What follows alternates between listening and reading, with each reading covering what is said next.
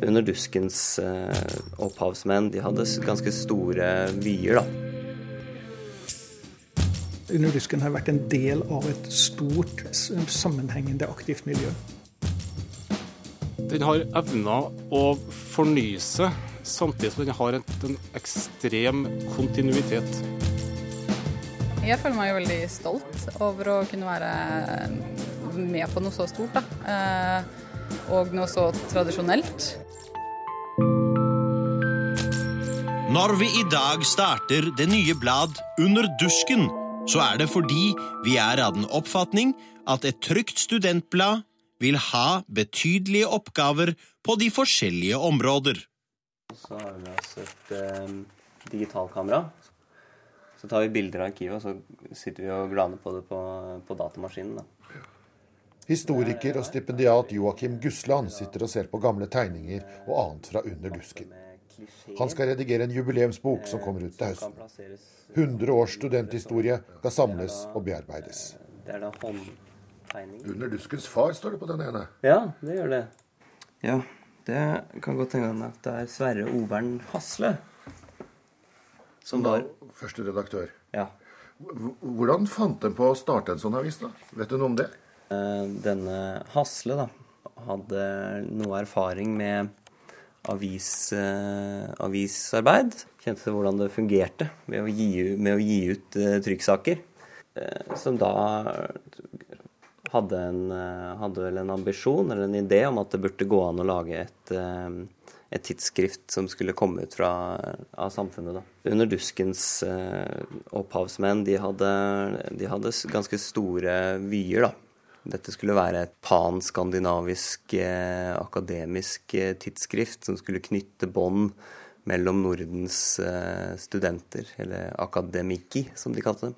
Første, den første fulle årgangen kom ut i, eh, allerede i 1915. Da hadde de allerede skribenter som av kaliber som eh, Johan Boyer og, og sånn, og de henvendte seg til et publikum eh, på utsida av Trondheim. Men i løpet av de første, første tre åra så opplevde avisen å gå mer eller mindre konkurs eh, i sin andre eller tredje årgang. Men den ble, den ble redda eh, og statuttfesta i Studentsamfunnets statutter at eh, Under dusken skulle, skulle eies av samfunnet. Hvorfor det navnet? Under dusken? Ja. Det henviser til den tradisjonelle studentelua. Den sånn eh, litt pløsete lue med en eh, dusk som henger ned på sida. Ligner på russelue, bare svart. Ja, akkurat. Det er, eh, det er referansen. Det er, ikke noe, det er ikke noe mer skittent enn som så. Det, I dag er det vel kanskje, når studentlue er borte, så er det kanskje noen som tenker på helt andre ting. Eh, ja, ja, det er jo det er åpenbart det. Og det er, eh, det er ikke fritt for at, at det finnes en del, en del vitser omkring konnotasjonene det, det navnet vekker. Da Under dusken startet, så var den jo ikke den første studenten. Han hadde jo prøvd seg med avis allerede fra NTH ble etablert. Ja, det hadde de. De hadde en håndskrevet eh, sak som eh, blei lest opp i, eh, i Storsalen, som, eh, som ble kalt Profeten. Den var langt mer gymnasial og, eh, og langt mer vinkla mot, eh, mot underholdningsaspektet da, enn det, enn det under, dusken, eh, under dusken var. Men da underdusken kom på fote, så la, så la Profeten inn årene for en lang periode. På midten av 2000-tallet så var det noen eh, driftige karer på Studentersamfunnet i Trondheim som eh, undersøkte samfunnets statutter og fant ut at, eh, at eh, der sto det at man, eh, man skulle holde seg med en eh, håndskrevet internavis, og den eh, skulle hete Profeten. Og da eh, tok de selvfølgelig affære.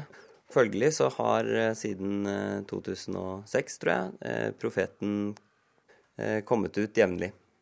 Håndskrevet. Håndskrevet, håndtegnet og eh, hengt opp på samfunnets eh, dovegger. Mange kvinner, unge kvinner og til dels skjønne kvinner. Utrolig hvor meget vakrere de unge damer er blitt siden høyskolen kom til byen. Ja, slik refererte Under duskens skribent seg etter en dameaften i Studentersamfunnet i 1916. Men hvordan så nå avisa ut i starten? Den var helt lik de første 50-åra, helt fram til 1970. Så hadde avisa samme forside. Det er da det, det som nå er avisas logo, som er en eh, student med denne studentelua da, ridende på en Pegasus, en hest med vinger. Eh, og over står det 'Under dusken organ for studenter', utgitt i Trondheim. Dette er fra 1916, ser jeg. Da er det re reklame for Domen koker sjokolade fra Nidar på forsiden. Ja, ja, det har vært eh, godt med annonseinntekter i perioder i Underdusken. Og Den, bærer, den bærer jo vitnesbyrd om hva man kunne ønske å selge til, eh, til studenter og, og, akademikere opp gjennom de eh, siste hundre åra. Og når vi snakker om studenter nå, så, da, så snakker vi om alle med en eh, akademisk utdannelse alle, alle, såkalte frie menn. Var det litt sånn snobberi det også? Ja, absolutt. Veldig.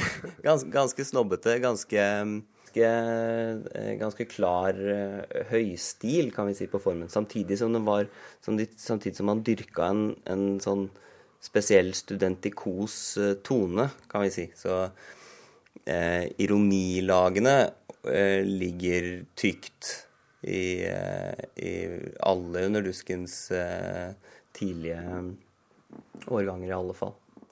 Og så forteller redaktøren av Under dusken, Louis Feinsilber, en del små trekk fra livet i studentsamfunnet her. Jeg skulle ønske de hadde kunnet se inn i den runde salen oppe i samfunnet på en kveld som denne. Det er akademisk festforestilling, og samfunnet har nettopp hyllet vår store skuespillerinne Ragna Wettergren Kvadranten og gulvet er fylt av festglade mennesker. De gamle medlemmene i samfunnet møtes igjen etter sommeren til nye kamper på samfunnets arena. Og de unge studentene som ble matrikulert i går på høyskolen, de sitter der med den følelsen som er en av de skjønneste et menneske kan ha, med forventning. Og de vil ikke bli skuffet. For den som kommer samfunnet i møte, han vil alltid finne noe for seg. Han vil alltid reise beriket fra det. I 1936 var det høytidelige ordelag som ble brukt når livet i samfunnet skulle skildres i kringkastingen. Med sine biljarder, sin peisestue, sine leseværelser og klubblokaler, sin restaurant og sine mange øvrige herligheter.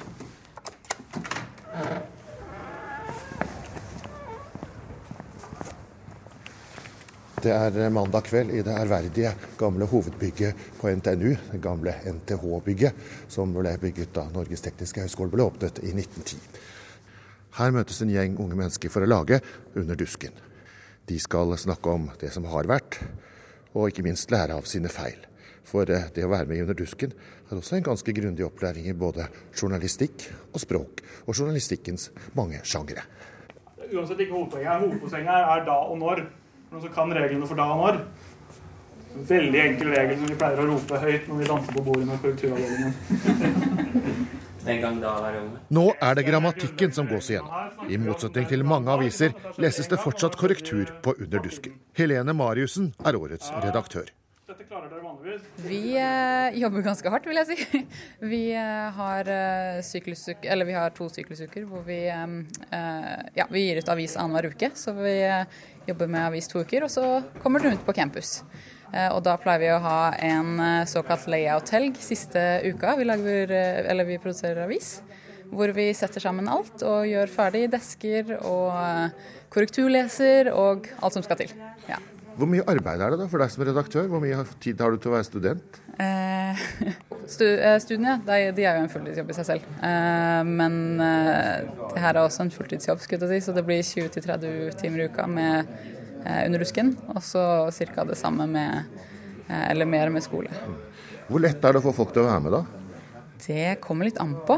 Eh, vi har opptak hvert semester. Og vi ser at det er veldig mange søkere i høstsemesteret, altså rett etter sommeren. For det er mange nye studenter og mange nye nysgjerrige studenter.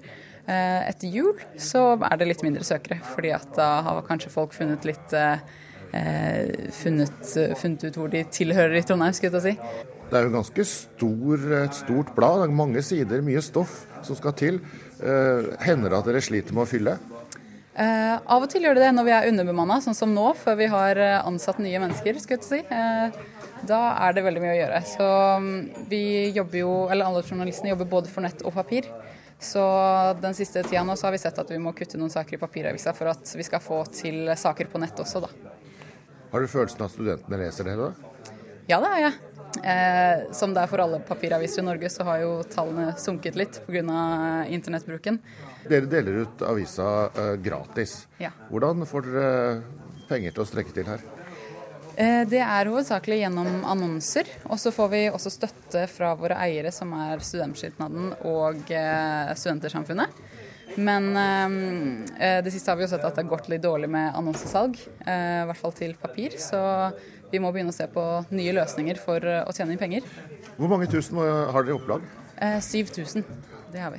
Hvem er det som lager denne avisa?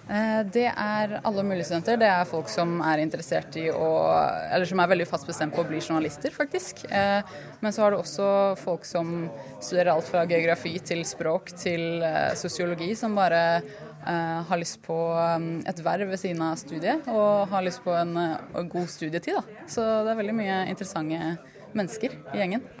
Hva er det som er hovedvekten av stoffet? Hovedvekt? Eh, vi har en veldig stor kulturseksjon, i hvert fall. Så det er nok hovedvekten i avisa. I tillegg så satser vi jo en del på reportasje og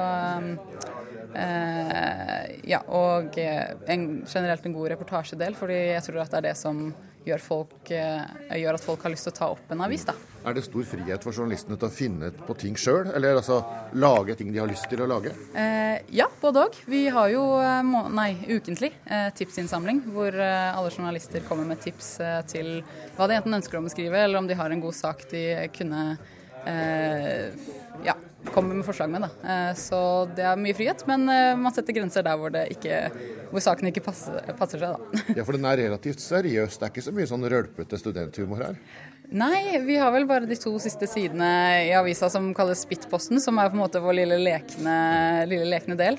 Så det er veldig mye seriøst og godt stoff, da, vil jeg påstå. Vi er veldig vi prøver å være så seriøse som mulig, men samtidig, så, siden vi er en studentavis, så prøver vi også å ha en liten lekenhet, sånn at det, veldig, sånn at det kan være veldig gøy å jobbe som student for oss. da. Kurer.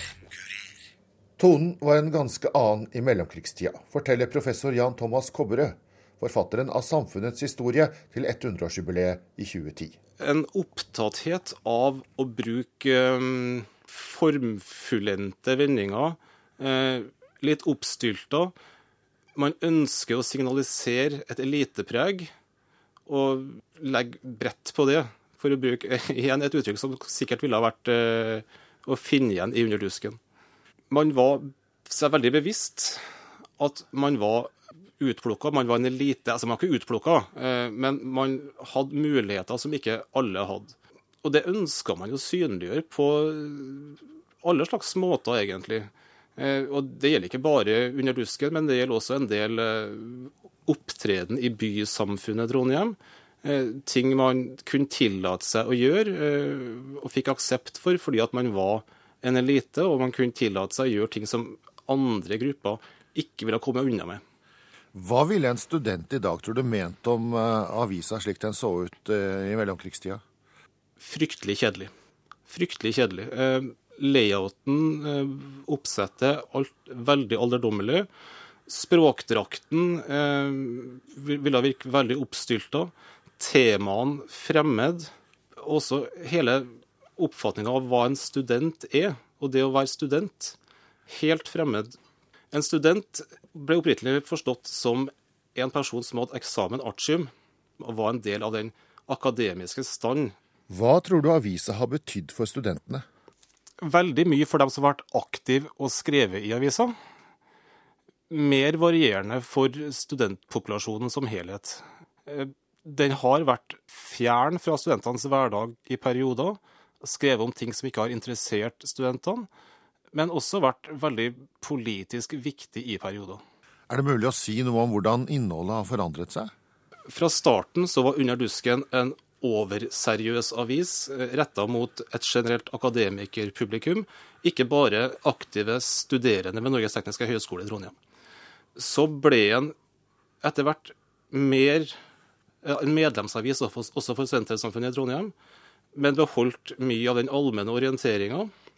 Etter hvert, og frem mot våre dager, så har man mista eller fjerna seg fra Studentersamfunnet og blitt mer en generell avis eller et blad for studenter i Trondheim som er opptatt av andre ting enn det som foregår i og ved studentersamfunnet i Trondheim.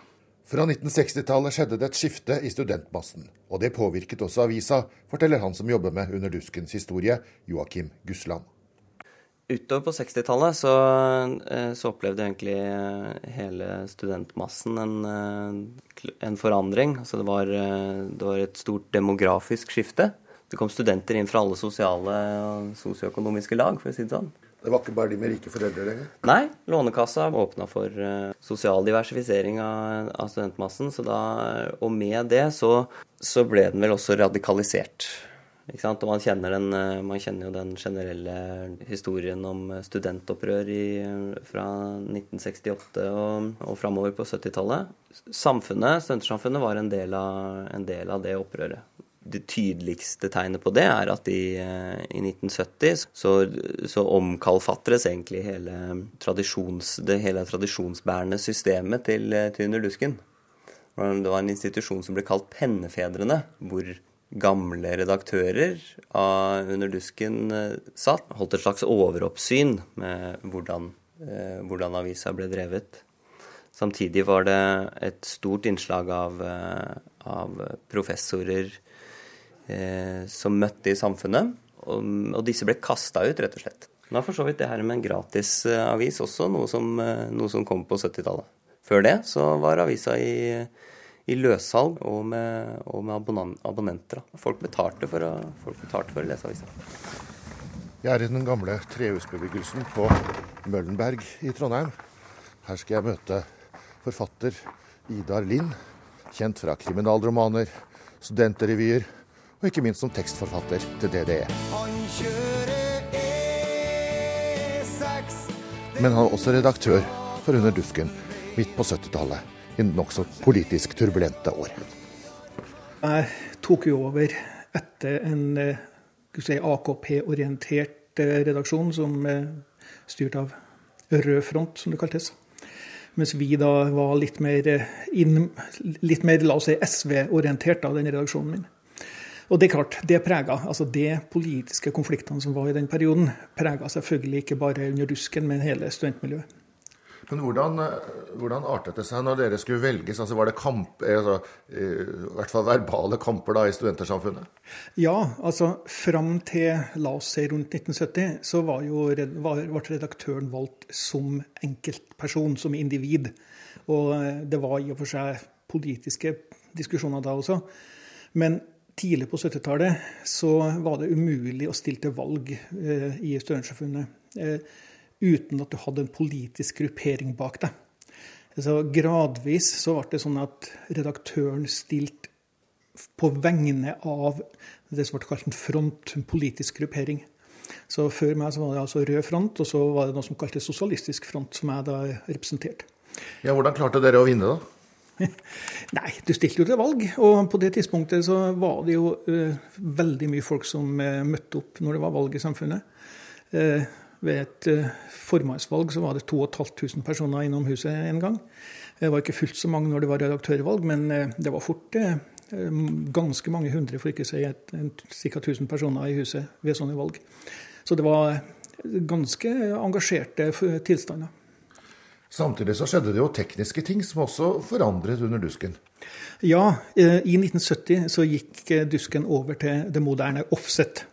Og Det førte jo da til at redaksjonen var nødt til å klippe og lim. I stedet for å sende fra seg alt til et trykkeri, så sto redaksjonen etter hvert og laga hele bladet for hånd. Og det førte jo til at du var nødt til å ha større redaksjoner også. Eh, tidligere så var det redaktøren og et par redaksjonsmedlemmer som hadde hatt ansvaret for bladet. Hvordan valgte dere ut hva dere skulle skrive? Var det også politisk preget? Altså, jeg, skal, jeg vil lyge hvis jeg sier at det ikke var politisk prega. Men jeg tror nok jeg kan si at fra og med min redaksjon så skjedde ei gradvis dreying over i mer journalistisk tenking. Eh, I min redaksjon så var det flere som hadde journalistisk utdannelse, og eh, mange som i ettertid da har hatt en karriere i pressa, og som brukte Under dusken som en, en, måte å skolere seg på. Altså, de rett og slett hadde bestemt seg for at de skulle jobbe i media. Hvis du ser på Under dusken i dag og, og det som eh, dere holdt på med midt på 70-tallet, er det noen store forskjeller? Ja, Én ting er at de er jo veldig mye mer proff når det gjelder layout. Vi brukte også veldig mye tid på å diskutere layout. Vi diskuterte vel mer layout enn innhold, tror jeg. Eh, men eh, det som har skjedd, det er det at redaksjonen er veldig mye større. Vi hadde ja, åtte faste redaksjonsmedlemmer pluss noen til, og nå har de over 60. Enkelte vil kanskje av oss gamle vil kanskje si at de har overorganisert den publikasjonen. Det er veldig næringslivstenking i måten det organiseres på. Hvordan var forholdet mellom Under dusken og uh, styre og stell i samfunnet? Tradisjonelt så hadde det jo vært sånn at det var en på stadig konflikt mellom redaktøren og formannen. I den politiske perioden, altså la oss si hele 70-tallet, så var det jo helt reelle og til dels bitte til dels bitre motsetninger mellom eh, de gruppene, hvis det var ulike grupperinger som hadde de posisjonene. Ja, hvordan var det personlige forholdet mellom folk? Det var jo mange som var på venstresiden her i litt forskjellige grader?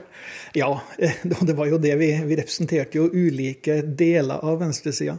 Eh, men det er klart, i en viss periode, eh, la oss si da jeg ble redaktør i 1976, da gikk det jo så langt som til at eh, jeg og andre ble da utropt til potensielle quislinger i den kommende krigen når Sovjetunionen skulle invadere Norge. Og det er klart, Den type beskyldninger og den type konflikter, da går du ut over det som er kan du si, saklig politisk debatt. Da blir det personlig.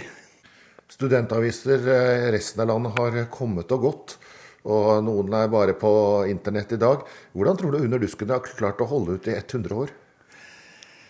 Det kan hende at det har noe med bygninga som Dusken har holdt til i. Eh, altså at er, dusken, Under Dusken har vært en del av et stort, eh, sammenhengende aktivt miljø. Altså problem, Et av problemene til Studentersamfunnet i Oslo, det såkalte Norske studentsamfunnet, som vi, vi, bruker å si, eh, det er jo at de hadde jo ikke noe fast tilholdssted i den perioden da aktiviteten dabba av. Eh, det at de da fikk Chateau Neuf, hjalp jo etter hvert, men ikke, det, det berga ikke institusjonen. Mens i Trondheim så har vi hatt et stabilt miljø som har holdt liv i seg sjøl altså siden det huset ble bygd. Kurer. NRK P2. Professor Jan Thomas Kobberød tror Under dusken har vært et viktig tilbud til studentene. Det er et tilbud om å få være med på noe som er spennende, som har appell til mange. Det kan også være et springbrett for en videre karriere. Det er journalister og skribenter som har begynt i Under dusken, som aldri har fått den eksamen de egentlig tenkte de skulle få fra NTH eller Universitetet i Trondheim eller NTNU, men som har skapt seg alternative karrierer der også. Under dusken har til og med beholdt skrifttypen i navnet. Eh, hvorfor tror du at eh, denne har overlevd i 100 år? Den har evna å fornye seg, samtidig som den har en ekstrem kontinuitet. Eh, den var veldig gammeldags veldig lenge, men klart spranget på 70-tallet til noe nytt og noe som fenga studentene. Ja, som dere vet, så har det vært litt aktivitet på nett etter at uh, saken til Stian uh, om sexhall ble lagt ut. Um, og da det var uh, på torsdag, så hadde vi hele 12.777 besøkende.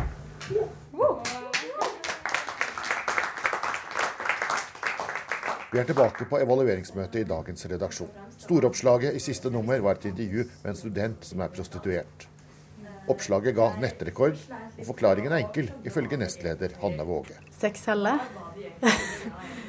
Gang på gang. Um, men det var ikke derfor vi kjørte den saken, da. Det var jo i forbindelse med sexkjøpsloven, og at det er et høyaktuelt tema nå. Og uh, rett og slett at vi fikk et tips om at de er studenter. Det er mange studenter her i byen som selger sex. Og så ble vi litt nysgjerrig på det og måtte finne ut om det faktisk var folk som gjorde det. Hanne Våge er frilansjournalist. Likevel jobber hun som alle andre gratis for Under dusken. For erfaringen sin del og for det sosiale, eh, og ikke minst for erfaring, altså ledererfaring. At jeg får prøvd meg som en underredaktør. Og det får jeg jo ellers ikke gjort når jeg jobber andre plasser. Jeg hørte jo på evalueringen her at dere kan være ganske kritiske med hverandre. Ja, men er det ikke sånn vi lærer, da? Vi evaluerer hverandre hele tida og finner ut hva som funker og hva som ikke funker. I glansdagene var opplaget rundt 20 000. Nå er det nede i 7000. Likevel har redaktør Helene Mariussen fortsatt tro på papiret. Jeg vil jo påstå at eh, en papiravis fortsatt er eh, noe folk vil ha. Det er papiravisa som er det originale mediet. da. Når folk vil ha eh, si, in, eh, informativ eh, journalistikk og god journalistikk, så vil jeg påstå at folk ofte vender til papiravisene, fordi det, det er god kvalitet. da. Hvordan er det å være denne Den er jo en historisk blad. Den er et navn som kanskje mange ikke helt skjønner hvorfor man har, f.eks. Får du mye spørsmål om det? Ja, eh, jeg får noen spørsmål fra folk som ikke bor i Trondheim, f.eks. om hva under rusken, hva betyr det her, er det pornoblad, liksom? Ja. Nei, men det er det ikke, da. Det er um... Men tenker dere noe på at, har, at det er en historisk tradisjon, at det er 100 år gammelt? Ja, jeg, jeg, føler meg jo veldig stolt over å kunne være med på noe så stort. da. Eh, og noe så tradisjonelt, skulle jeg til å si. Og at jeg får lov til å være redaktør for et så eh, gammelt og ja, veldig erfaringsrikt blad, vil jeg påstå. Kan dere fortsette å trykke på papir framover, tror du? Ja, det vil, jeg, det vil jeg nok kjempe ganske hardt for at vi skal. Og jeg har ikke noen planer om å om å stryke papir, for å si det sånn.